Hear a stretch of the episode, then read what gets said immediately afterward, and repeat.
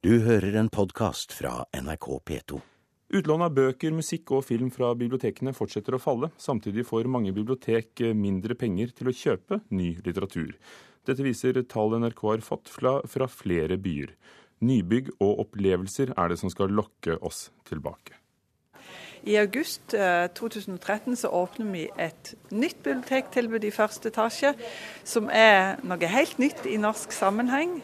Bibliotek- og kulturhussjefen i Stavanger, Marit Egås, forteller om den store forvandlingen. Nå pusses det opp for å gjøre Sølvberget til et slags kjøpesenter for kunnskap og opplevelse. Nyskapende, veldig framtidsretta, mye digitalt. Litt sånn shoppingsenteraktig i utformingen, men ikke innholdet. Til nå har biblioteket holdt til oppover i etasjene på Kulturhuset. Men fra høsten skal publikum sluses inn i bøkenes verden i det øyeblikk de kommer inn fra gata. Når du kommer inn i huset her, så er jo hovedgata her en slags innvendig byrom. Og da er kinoen på den ene sida av den hovedgata, og så er biblioteket på den andre sida. Det blir sånn to tydelige merkevarer. liksom Ikea på den ene sida og XXL på den andre sida. Da skal du liksom bare bli sugd inn i biblioteket uten at du nesten merker det. Er du bibliotekbruker? Ikke sånn på fritida, mer til skole. Jeg er ikke en Jeg leser, jeg leser ikke så mye bøker. Marit Egås og andre biblioteksjefer tvinges til å tenke nytt i en digital tidsalder. Ferske tall viser at utlånet fortsetter å falle, særlig for musikk. I Bergen gikk det samla utlånet ned med 5% fra 2011 til 2012. I Tromsø gikk utlånet ned med 4 Time bibliotek på Jæren melder om en nedgang på 9% i utlånet, og i Stavanger og Sandnes var utlånsfallet på hele 11% i fjor. Det er veldig mye. At den går ned overalt, det er nok både et økonomisk spørsmål for at vi ikke kjøper, har råd til å kjøpe de bøkene vi gjerne skulle ha kunnet tilby lånene våre. Men det er òg en trend at folk kan få tak i billigere litteratur, pocketbøker. Og mange er òg interessert i e-bøker og kunne lese ting digitalt. Og der har ikke bibliotekene mye å tilby nå sier Leikny Haga Indergård, biblioteksjefen i Bergen. Hun har fått nytt tilbygg, men budsjettet til innkjøp av ny litteratur er redusert med 40% de to siste årene. I Tromsø er kuttet på 20% og også Oslo og Stavanger har fått mindre å rutte med til innkjøp. Svaret er god formidling og opplevelse, sier Indergård. Altså at vi både låner ut bøker og andre medier, og at vi er en plass å være til studering og til at folk skal trives og oppha opplevelser. Vi skal ha en hovedinformasjon for hele biblioteket i det området vi er inne nå. I august skal Marit Egås åpne den nye avdelingen i Stavanger. Der biblioteket altså skal vise seg fram, inspirert av planene for nye Deichmanske bibliotek i Oslo. Og så vil det bli en noe som er helt nytt, som vi kaller en pulssone. Altså en slags eh, digital sone med hovedvekt på nyhetsformidling. Der vi ønsker å formidle et mye bredere nyhetsbilde. Hvorfor velger dere å gjøre akkurat dette her? Vi er veldig påvirka av Deichmanske bibliotek i Oslo. De har jo en visjon om at de skal bygge Europas beste folkebibliotek. Folk har lite tid, alt skal være kjapt. Vi konkurrerer både med det digitale og vi konkurrerer med bøker som folk kan kjøpe. Derfor tenker vi at det er viktig å ha et sånn et område i første etasje som kan lokke folk inn. Ja, og det var eh, reporter Anette Johansen Espeland som hadde laget denne saken.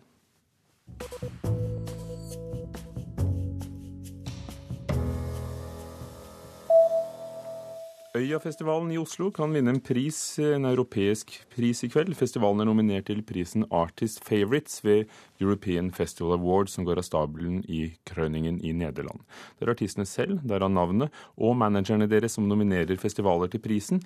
Blant de nominerte er også danske Roskilde og svenske Way Out West. Presseansvarlig for Øya, Jonas Prangerød, sier at festivalen ikke vet hvilke artister som har stemt på dem. Det er jo et slags uh, klapp på ryggen uh, at man, at man har, har, klart å, å, lage en festival hvor både publikum og artister uh, trives. så det, først og fremst er det inspirerende til, til videre arbeid å prøve, å, prøve å, å lage noe som er like bra eller kanskje enda bedre. Jonas Prangerå ved Øyafestivalen. Forbudet mot det kommunistiske manifest er opphevet i Tyrkia. Boken Karl Marx og Friedrich Engels utga i 1848 er en av 23 000 bøker, tidsskrifter, artikler og andre utgivelser som ikke lenger er forbudt å lese i Tyrkia, melder nyhetsbyrået AFP. Samtidig ønsker lokale utdanningsmyndigheter i Tyrkia å sensurere John Steinbecks om mus og menn pga. umoralske avsnitt i boken. Og litteraturprofessor Asbjørn Årnes er død. Han var en utrettelig og levende formidler av filosofi og lyrikk. Så sent som i fjor ga han ut en antologi med norske dikt, som også snakket om her i P2. For få uker siden sto hans siste artikkel på trykk i Dag og Tid. På 70-tallet var han en viktig redaktør av bøker som fikk norske filosofer frem i lyset. Han har fått så mange priser og fortjenester at det nytter ikke å nevne dem. Kanskje bare at han var æreslegionsridder i Frankrike for sin innsats for fransk litteratur.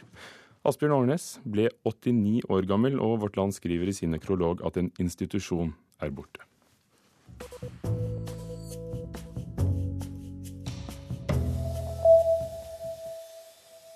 Regjeringen vil gjøre det enklere å lage butikk av kultur. Produsentene av barne-TV Traktoren Gråtass opplever at det er vanskelig å få hjelp og støtte når de vil lansere Gråtass i utlandet.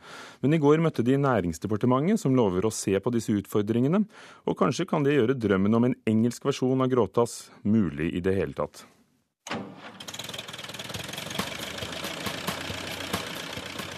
Den lille traktoren Gråtass har dura og gått her i Norge siden 1995, til begeistring for mange barn og unge. Nå vil den prøve seg i England som Little Fergie. Når vi skal gå internasjonalt, og jeg sier når og ikke hvis, så, så må vi gjøre det på en ordentlig måte. Produksjonsselskapet Fantasifabrikken vil lansere gråtasskonseptet for britene.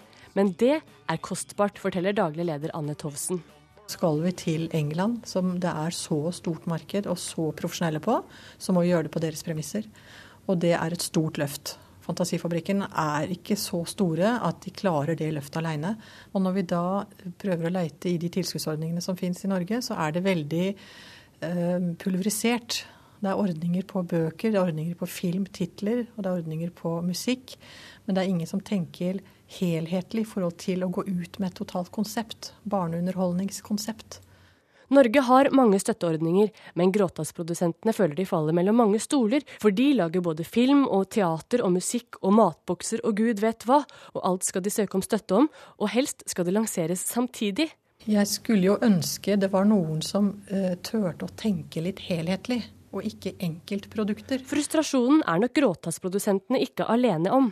Kulturforsker Ola Berge i Telemarksforsking peker på at kulturfeltet er mindre sjangeravgrenset enn før. Innenfor både film- og musikkfeltet så ser du f.eks. at det er, liksom, det er ikke lenger bare snakk om et produkt, et, et, klart definert produkt. Det er ikke lenger bare musikk eller bare film. Og at det skaper utfordringer for de som trenger hjelp til å vokse seg enda større. For så det krever da eh, egne satsinger og, og, mer sånn tverrfaglig tenking. da. Tverrfaglig tenking skal bli, ifølge statssekretær Kristin Maurstad i Næringsdepartementet. Vi ser at her er norske produkt som absolutt hevder seg internasjonalt, og det må vi hjelpe til å få videreutvikle den type prosjekt. Denne våren legger de fram handlingsplanen om kultur og næring, og der vil de legge til rette for økt eksport av norske kulturprodukter. Målet med denne handlingsplanen er å at flere aktører i kulturnæringene skal kunne leve av egen virksomhet, noe som vil øke verdiskaping og attraktive lokalsamfunn. Eh, men i tillegg skal denne planen omhandle hvordan en kan få eh, økt eksport og internasjonalisering av eh, kulturprodukt. Så da kan det kanskje bli tilbake til røttene for Gråtastraktoren. Hvis egentlige navn er TE20, Tractor England 20, produsert på 50-tallet av selskapet Ferguson i nettopp England. I flere dager har hundrevis av mennesker samlet seg utenfor lokalene til Sørlig ukeavis i Guangzhou i protest mot sensuren av en lederartikkel i den avisen. I går grep politiet inn i protestene, men i natt ser det ut til at protestene eh, har tatt slutt. For myndighetene sier i hvert fall at redaktørene og journalistene ikke vil bli straffet for å ha streiket. Men korrespondent Anders Magnus, som vi snakket med da han var på vei til provinsen for litt siden, sier at spenningen ikke er helt over. Vi har snakket med noen journalister eh, i avisen som sier at de eh, fortsatt ikke er tilbake på jobb. Og det kan nok være at de forsikringene de har fått om én, eh, at det ikke skal være noe direkte sensur fra propagandasjefen. Og to, at ingen av journalistene skal bli straffet eller sagt opp. At de forsikringene ikke er gode nok slik de har fått dem. Det vet jeg ennå ikke så mye om, men håper å få vite mer om det når vi kommer ned i sør, til denne byen hvor den liberale, eller etter kinesisk målestokk, liberale avisen holder til. Men det er, samtidig så er det også en ny utvikling i saken her i Beijing. Og hva da? Det er en eh, redaktør som har fått ordre om å trykke en artikkel eh, som er skrevet eh, av de altså Alt er jo statskontrollert, men en av de mer kontrollerte avisene, som heter Global Times. Og Dette har da denne redaktøren i den Beijing-avisen nektet. Eh, fordi eh, de hadde en eh, demokratisk avstemning i redaksjonen hvor flertallet ikke ville trykke denne artikkelen fra propagandaministeriet, så å si. Og så har han da sagt at OK, jeg kan ikke, jeg kan ikke gjøre slik myndighetene ber meg om, og da leverer jeg inn min oppsigelse. Så han har levert inn sin oppsigelse. Spørsmålet er om myndighetene kommer til å godta dette eller ikke. Betyr det at det er noe på gang når det gjelder forholdet mellom myndighetene og media i Kina? Absolutt. Det er eh, en situasjon hvor eh, det er stor usikkerhet om eh, hvor, hvordan de nye makthaverne i kommunistpartiet vil opptre. Og det er i denne usikre situasjonen at både propagandamyndigheter og journalister forsøker å finne grensene. Hvilke reaksjoner venter du deg når du ankommer Guangzhou? Jeg tror at uh, de fleste journalistene er, er, veldig avventende. Og at, uh, som redaktøren sier, dette er ikke noen seier på noen måte. Man må vente og se hvordan sensursituasjonen utvikler seg over tid. og det er klart at Selv om de slipper denne direkte innvirkningen fra propagandasjefen i Guangdong-provinsen, så er jo alle aviser i Kina gjenstand for sensur, og ikke minst selvsensur. Journalistene vet jo omtrent hvor grensene går, og hva de kan eh, skrive eller ikke.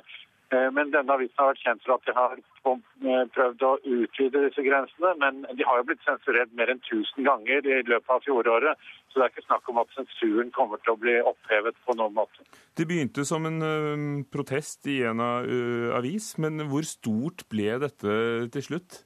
Nå har det blitt ganske stort, ikke minst fordi at det har blitt spredd på den kinesiske utgaven av Twitter, hvor eh, en del kjendiser har gitt sin støtte til journalistene i eh, Nanfang Joma, som denne avisen heter. Der har bl.a. Eh, skuespillere som har titalls millioner følgere på Twitter, gitt sin støtte, slik at i internettsfæren i Kina så er det nå mange titalls millioner mennesker som er opptatt av dette, og som diskuterer i den grad de klarer å komme inn. Det er mange, mange sider her som har blitt stengt, og mange søkeord som er uh, forbudt. F.eks. For uh, både ordet sørlig, som er første uh, ordet i denne avisens navn, og også ukeslutt, som er det andre ordet. De søkeordene har vært forbudt en stund. Altså, det er en sånn eh, stillstandskamp mellom eh, blogosfæren og propagandamyndighetene samtidig nå. Sa Anders Magnus idet han var på vei nettopp for å besøke sørlig ukeslutt i Guangzhou i Kina.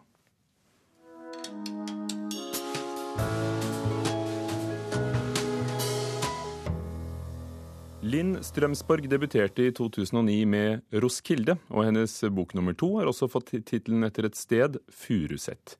Det er en velskrevet roman i all sin tilsynelatende beskjedenhet, mener vår anmelder Leif Ekle, som anbefaler et oppfriskningskurs i svensk popmelankoli før man leser romanen.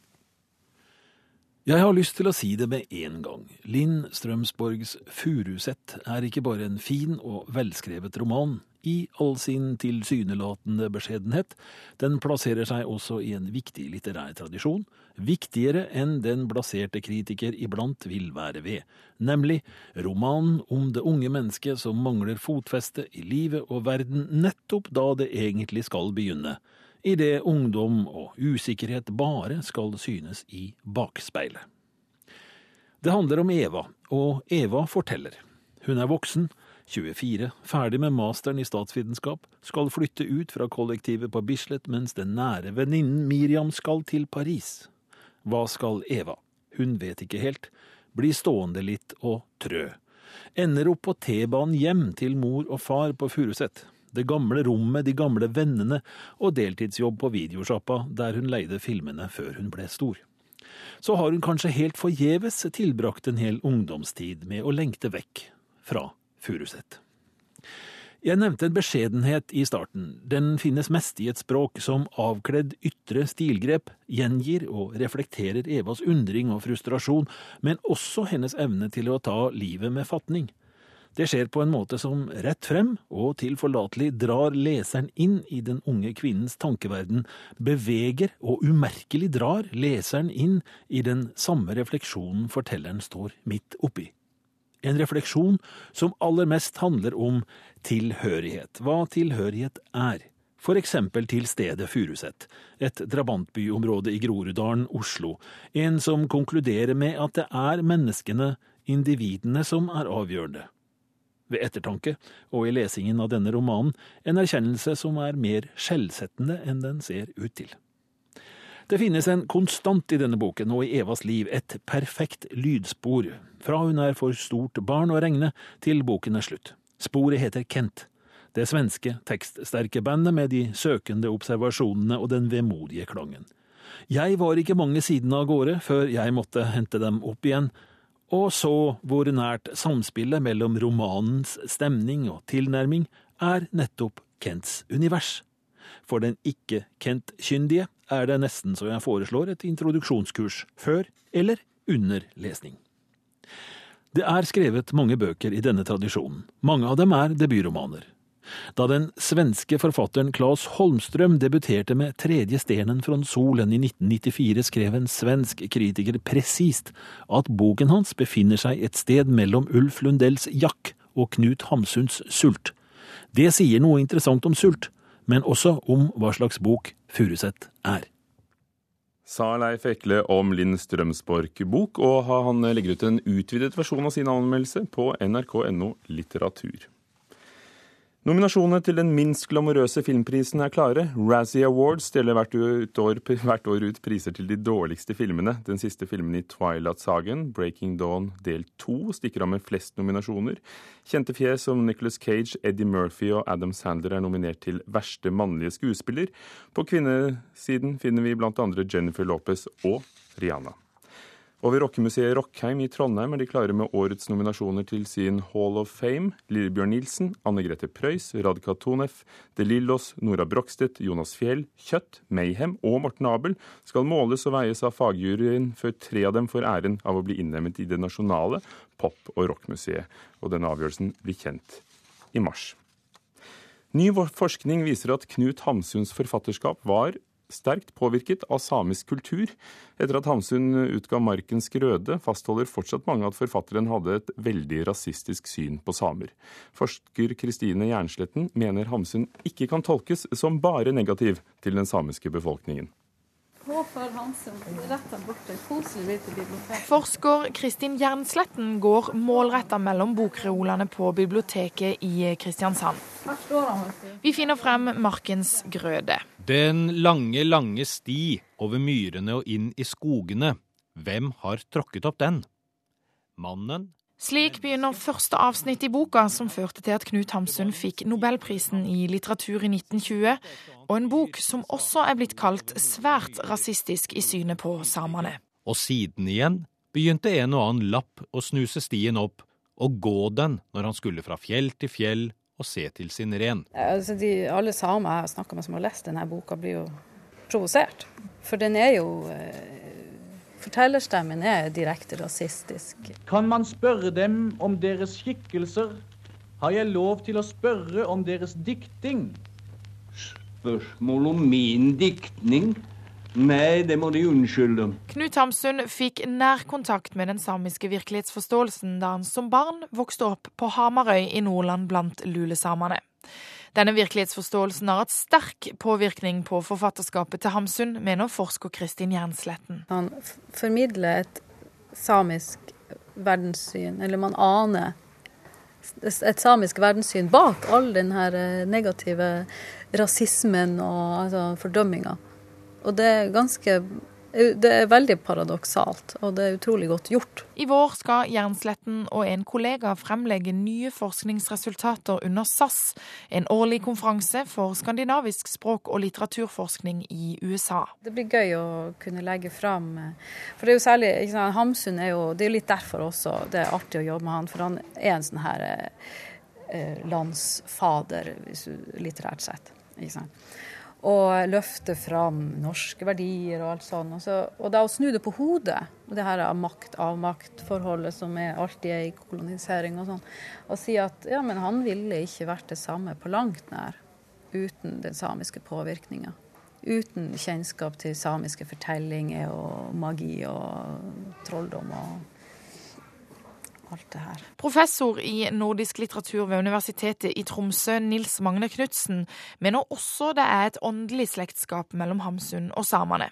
Både på godt og vondt. Jeg syns Martin Trude er et unntak fra det han ellers skriver, der han er mye mer balansert og iblant veldig positiv. Han er en veldig vakker skildring i, i, hans, i sin siste bok på gjengrodde stier, der en same kommer ned fra fjellet, og fra vinteren på fjellet, og så er det vår, og det er grønt.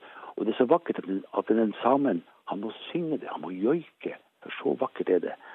Så det er ja, ganske fint å, å balansere litt det er, eh, veldig negative inntrykket han gir i 'Markens grøde', som jeg syns er, er et, et, unntak, og et, et ekkelt unntak.